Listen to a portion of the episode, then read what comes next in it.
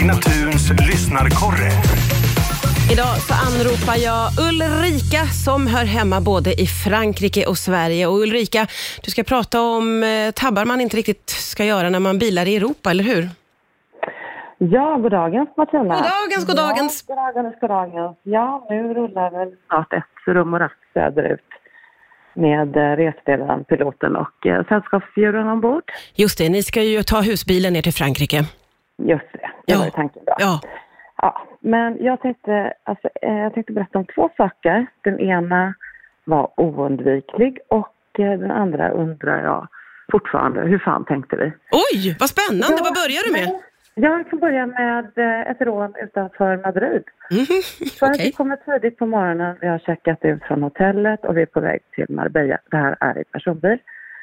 Och eh, vi blir alltså omkörd av en mörk bil med sådana här diskreta blåljus som vinkar in oss till en liten ficka. Ja. Och ur eh, kliver då två män i uniform som legitimerar sig. Och eh, så de ber att få se bilpapper och körkort och sen, och sen hokus pokus så är vi mitt i att bli rånade. Nej, du skämtar! Nej, det är ju det jag inte gör. Men Så där rök ju klockor och cash och smycken. Ja, det de ville ha då. Men det måste ju varit fruktansvärt traumatiskt. Ja, och framförallt att det går så satans fort. Är det sant? Ja, och, och grejen är att e- efteråt det här så tittar vi bara på varandra och säger så här, vad fan var det som precis hände? Nej! Jo. Gud, de har gjort det förr förstår man ju. ja, för vi åkte ju till närmsta polisstation och så tittade han ju på oss och så bara, nej, ta en kölapp. Det dömer Sweden liksom. Så att de sätter ju det i system. Ja, ja, ja. ja, ja. Och du har ju sån respekt för ordnings... Ja. polis. Jag menar, bara på en flygplats så står du ibland halvnaken liksom och så går igenom.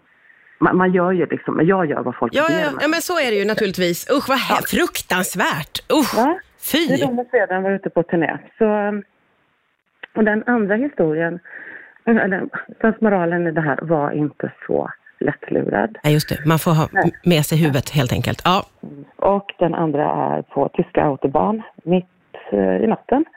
Och vi kör vår tvåhästars buss upp till Sverige och den är fullastad med grejer. Inte med hästar som tur är. Och eh, någonstans så börjar motorn att brinna och i en sån här modell så sitter man ju i stort sett på motorn. Så att det tar ju bara 0,2 sekunder innan det slår in eldslågor i, i, em, i förarhytten. men herregud! Mm. Och då, har, ju- då är ju någon snille då som har ringt eh, SOS då. Så att efter en stund så kommer då hela blåljusarmén. Ja, Men då är ju hela autobahn avstängd av oss. ja. Och när de kommer fram så gör de ju bedömningen LSB. Låt skiten brinna. det fanns ingenting att säga. Nej, är det sant? Ja, men det var så jävla... Men Jag tänkte alltså, som avrundning då att eh, bara ha, kolla alla försäkringar. Vägassistent är bra. Ja, Bra att lära sig eh, koordinater så du vet vart du är någonstans. ja. Finns med alla GPSer. Eh, Pass, nycklar och såna här andra grejer är bra att ha i en väska för du hinner inte tänka. Nej, just det. Ha i handväskan helt enkelt. Du skickar med många bra råd där. Hoppas och ju... Det sista är alltid cash. För när du kör för fort i Europa så tar polisen inte kreditkort. Bam. Väldigt, väldigt bra att ta med sig om man ska ut och bila. Nu håller vi tummarna för att eh, årets eh, bilresa ner i Europa inte blir fullt så eh, dramatisk som det här som du har berättat nu. Det är alltid ett äventyr. Det är alltid ett äventyr. Då har vi eh, anledning att återkomma. Det här var ju traumatiskt, men tack snälla för idag Ulrika. Vi hörs snart igen. No worries. Ha det gott.